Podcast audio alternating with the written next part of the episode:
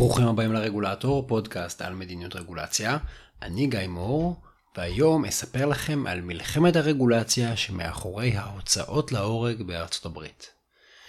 הפרק הזה עוסק בנושא קצת מורבידי, אבל אנחנו לא הולכים לעסוק בשאלה עצמה, אנחנו הולכים להתעסק המון במסביב שלה, וכמה התקשקשות רגולטורית אפשר לעשות סביב הנושא הזה. יש בארצות הברית עדיין 24 מדינות שמבצעות הוצאות להורג.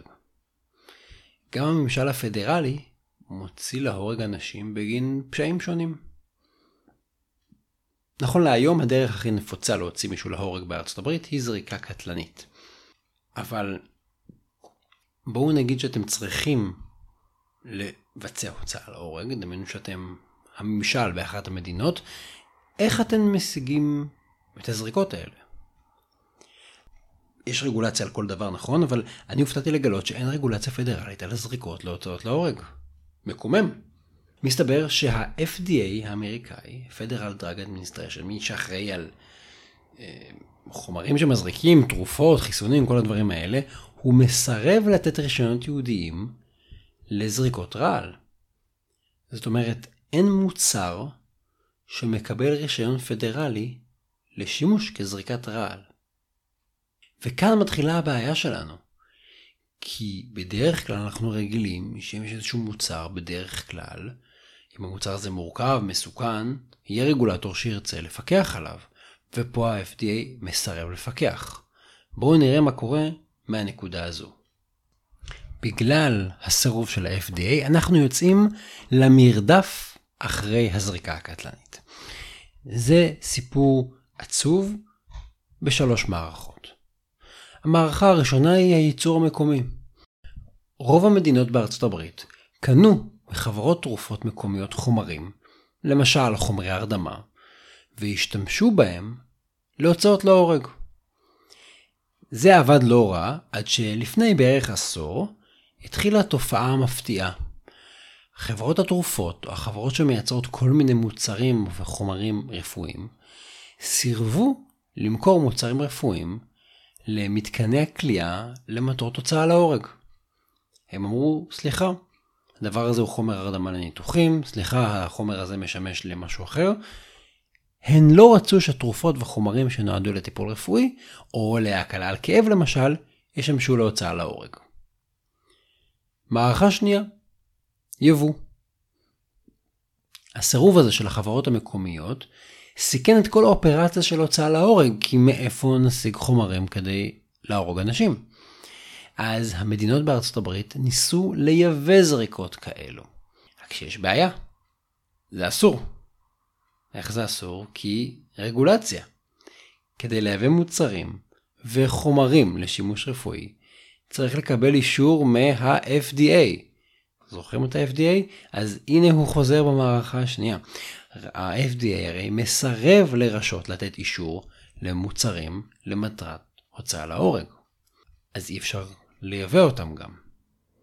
אגב, בהליכים משפטיים סביב אכיפה שה-FDA הטיל, למשל, שהוא פסל משלוחים כאלה שניסו להכניס לארצות הברית, בית המשפט העליון של ארצות הברית בערעורים אפילו הורה ל-FDA להחרים את הזריקות שמדינות ארצות הברית, לא איזה שחקן פרטי, שמדינות ארצות הברית ניסו לארצות, להכניס לארצות הברית. מערכה שלישית, רוקחות מותאמת אישית. המדינות רוצות להוציא אנשים להורג, אבל חברות המקומיות לא מוכנות למכור להן. ובגלל ה-FDA הן לא מסוגלות לייבא, אז גם זה נכשל. אז המדינות פיתחו פתרון יצירתי. המדינות פנו לחברות רוקחות, חברות שהן מערבבות מוצרים אה, שנמצאים כבר בשוק או מערבבות תרופות, אה, והן בדרך כלל מייצרות איזשהו מוצר שמותאם אישית ללקוח. והמדינות ביקשו שירקחו עבורן מהחומרים הקיימים תרכובות. במקרה הזה, תרכובות שיהיה ניתן להזריק בהוצאות להורג. מה שהמדינות בעצם ניסו לעשות זה לעקוף את הרגולציה. אגב, מצב פנטסטי שהמדינה, הריבון, המשטר, מנסה לעקוף את הרגולציה. וחברות הרוקחות אה, התחילו להכין מוצר שמותאם אישית לכל לקוח. מאחר שהמוצר מותאם אישית לכל לקוח וזה לא מוצר שהוא ב mass production, זה לא מוצר מדף, הן מוחרגות מהרגולציה של ה-FDA. אגב, אפשר לטעון שזה דווקא הופך את המוצרים שלהם ליותר מסוכנים, כי זה לא איזה מוצר שיש לו פס ייצור קבוע, אלא כל פעם הם עושות משהו אחר, אבל זה לדיון אחר. אבל אז צצה בעיה חדשה. לכל מדינה בארצות הברית יש רגולציה מדינתית גם, נכון? בנוסף לרגולציה הפדרלית יש גם רגולציה מדינתית. אז לכל מדינה בארצות הברית יש רגולציה מדינתית על ציוד וחומרים ומוצרים רפואיים. והרגולציה הזו חלה על חברות הרוקחות ועל התרכובות המותאמות אישית שהן מוכרות לצורך הוצאה להורג. וזה מגביל את הפעילות וזה מפריע, אבל זה קל, כי אם אני המדינה והרגולציה שלי מפריעה לי, אני יכול פשוט לשנות אותה. אז מה שחלק מהמדינות בארצות הברית עשו זה להעביר חוקים שאסרו על הרגולטור המדינתי לפקח על תרכובות מקומיות למטרות זריקה להוצאה להורג. בעצם בא המושל של המדינה למשל, הולך לפרלמנט שלו ומעביר חוק שאוסר על הרגולטור המדינתי, הרגולטור שלו, לפקח על התחום הזה כדי שלא יפריע לו לייצר זריקות להוצאה להורג. אם עקבתם עד כאן אתם מבינים שקורה פה משהו קצת מוזר וגם קצת מפוקפק, כי המדינות צריכות למצוא פתרונות מאוד מאוד יצירתיים ולבצע לפעמים אפילו מניפולציות בחקיקה וברגולציה כדי להשיג חומר שישמש אותן להוצאות להורג. כמו שאתם אתם רואים, לא כל כך נעים לקחת חלק בפעילות הזאת בכלל, אבל בטח כשהיא מתחילה להיות מפוקפקת ו- וקצת משונה. ובאמת, אה, הרבה חברות רוקחות נרתעו מהפרקטיקה הזו, גם ממה שמוכרים וגם העובדה שהמדינות סידרו את הרגולציה ככה שהיא לא תפריע לעצמן, והרבה חברות רוקחות לא רצו שידעו שהן לוקחות בה חלק. ולכן בחצי מהמדינות שמבצעות הוצאות להורג בארצות הברית העבירו עוד חוק. החוק הזה לא קשור לעניין רפואי, הוא קשור למידע. החוק מחייב את מתקני הכליאה לשמור בסודיות את זהות חברות הרוקחות שמוכרות להם את החומר, את החומר לזריקה הקטלנית. בעצם מאחר שזו פעילות כל כך לא פופולרית והציבור כל כך לא אוהב אותה, הסיבה שהחברות מסכימות בכלל למכור תרכובות למדינות לשם הוצאה להורג זה שאנחנו לא יודעים מי הן אותן חברות. ולכן אני גם לא יכול לתת לכם שמות של חברות, כי זה נשמר בסוד.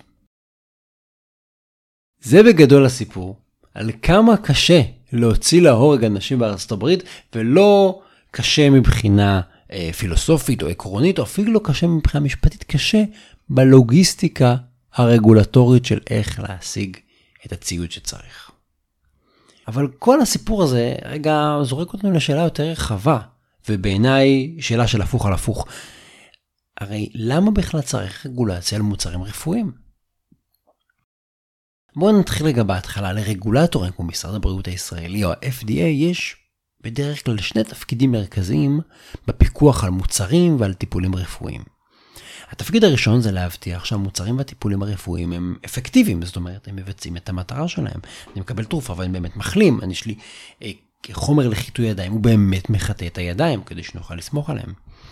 התפקיד השני הוא להבטיח שהם בטוחים, זאת אומרת שהם לא גורמים נזקים ולא מסכנים את המטופל.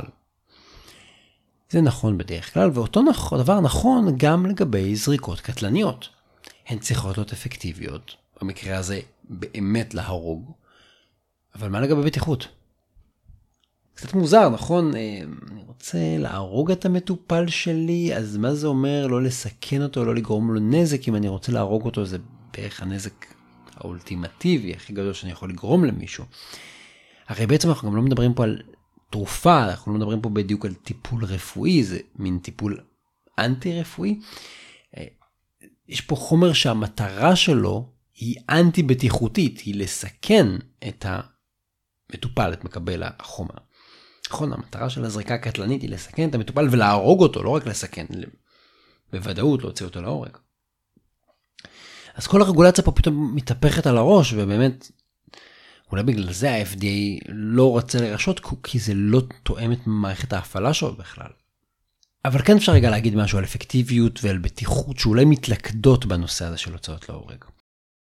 אמ, בשנת 2018, חמישה אסירים שהוצאו להורג במדינת טקסס סבלו מכאבים קשים לאחר שקיבלו את הזריקה. ברגעים האחרונים שלהם, עד שהזריקה הרגה אותם, הם צרחו שהם נשרפים מכאבים מבפנים. בשנת 2014, אסיר שהוצא להורג במדינת אריזונה, הזריקה לא הרגה אותו מיד, הוא גסס במשך שעתיים לאחר שהוא קיבל את הזריקה. אז אולי זה הסיפור פה, אה, הזריקות הרגו אותם, הן אפקטיביות, אבל שיקול הבטיחות אולי הוא קשור לזה. הרי גם אם אתם תומכים בהוצאה להורג, אני באופן אישי קשה לי עם זה, אתם תסכימו שאין טעם לגרום סבל מיותר לאדם. אמ, הרי אחד הטיעונים של תומכי ההוצאות להורג אה, משתמשים בהם, זה שהן צריכות להיות נטולות כאב, כי זה לא עינוי. אז אפשר להגיד שאפילו בתחום הזרקות ההוצאה להורג יש סוג של שיקולי בטיחות. שיקולי בטיחות קצת מוזרים, אבל הם שם. אז זאת הסאגה של הקושי של המדינות למצוא דרכים להוציא להורג את האזרחים והתושבים שלהם, ואיך כל סיפור הבטיחות האפקטיבית מתהפך פה על הראש. אה, מה קורה מכאן? אז נכון להיום ה-FDA לא מוכן לפקח ולרשות זריקות קטלניות להוצאות להורג. יש חוות דעת של משרד המשפטים האמריקאי, שאפילו קבעה שאין ל-FDA סמכות לעשות את זה, שגם אם הוא היה רוצה, הוא לא יכול. אז נשארנו בלי רגולטור, ולכאורה בלי רגולטור שמסדירה את זה רק עם איסור. אז לכאורה הכל בסדר. לכאורה מתנגדי הרגולציה יכולים לחגוג, איזה יופי, אין רגולטור ואין רגולציה. אבל ראינו שזה לא כל כך פשוט. קודם כל, כי כן קיימת בעולם רגולציה. אם המוצר הזה לא מאושר על ידי ה-FDA, אז במידה מסוימת יש איסור. יש איסור לייבא אותו, ויש קושי לייצר ולקנות אותו. וראינו שיש עוד סיבה שזה מצב בעייתי, כי זריקות לא תקינות או באיכות לא מספיק גבוהה עלולות לגרום סבל רב וסבל מיותר לאסירים האלה שמוצאים אותם להורג. עכשיו, שימו לב, זה סבל שנוצר ונגרם באופן ישיר על ידי המדינה ועל ידי מערכת אכיפת החוק. זה לא אה, השפעות עקיפות, דברים בלתי צפויים, זה אחד לאחד מה שהם עשו לו גרם לו לסבול. אז אולי אנחנו צריכים כן שתהיה רגולציה, גם אם אנחנו לא אוהבים את הפעילות הזאת, כדי להבטיח שהיא מבוצעת בצורה הומנית ונטולת כאב ככל שניתן. הפרק הזה, כמו שהבנתם, יש פה איזה סיפור טיפה פנטסטי. הנושא עצמו הוא מורבידי ונורא, אבל הוא פנטסטי כי זה סיפור של הפוך על הפוך. יש פה מדינה שבדרך כלל אנחנו חושבים על מדינה כקובעת רגולציה, עושה דברים כדי לשפר את איכות החיים שלנו, אבל מדינה שמה שהיא מנסה זה לפגוע בסוג מסוים של אזרחים שלה, במי שנדון להוצאה להורג. יש פה רגולטור שמסרב לפקח, ה-FTA. יש פה מדינה שנאבקת ברגולציה. יש פה אזרחים שהמדינה לא מנסה להגן עליהם אלא בדיוק הפוך כמו שאמרתי ויש פה אה, חברות שמספקות שירות למדינה אבל לא רוצות שאף אחד לא ידע מזה. מין עולם מטורף של הוצאות להורג שכאילו כל חוקי הטבע וכל חוקי הרגולציה השתגעו. אבל אני חושב שגם בעולם הזה הרגולטור חייב להבטיח שהוא משפר את החיים של האנשים ועושה מינימום נזק והשפעות שליליות. אז אולי זו דוגמה מאוד מאוד אפלה לעיקרון הזה, אבל גם בהוצאות להורג, העיקרון הזה צריך להיות מקסימום תועלת, מינימום נזק. כי בסוף, בסוף, בסוף, המטרה היא לא המדינה והיא לא הרגולציה, המטרה היא האנשים, איכות החיים שלהם, של אנשים אמיתיים. תודה שהאזנתם לפרק הזה. אני מקווה שהנושא לא היה קשה ואפל מדי. אמ, אתם מוזמנים לעקוב אחריי בפלטפורמות השונות, אה, טלגרם, טוויטר, לינקדאין, פייסבוק, וכמובן באתר האינטרנט regulator.online. יש שם עמוד עם הכותרת של הפרק עם קישורים למקורות, גם לדברים עובדתיים שציינתי, גם לחוות הדעת, גם למחקרים על הנושא הזה. אני מאוד מאוד אשמח לשמוע מכם, אתם יכולים לכתוב לי דרך האתר או בכל פלטפורמה שתרצו. אני גיא מור, התכנים משקפים את דעותיי בלבד.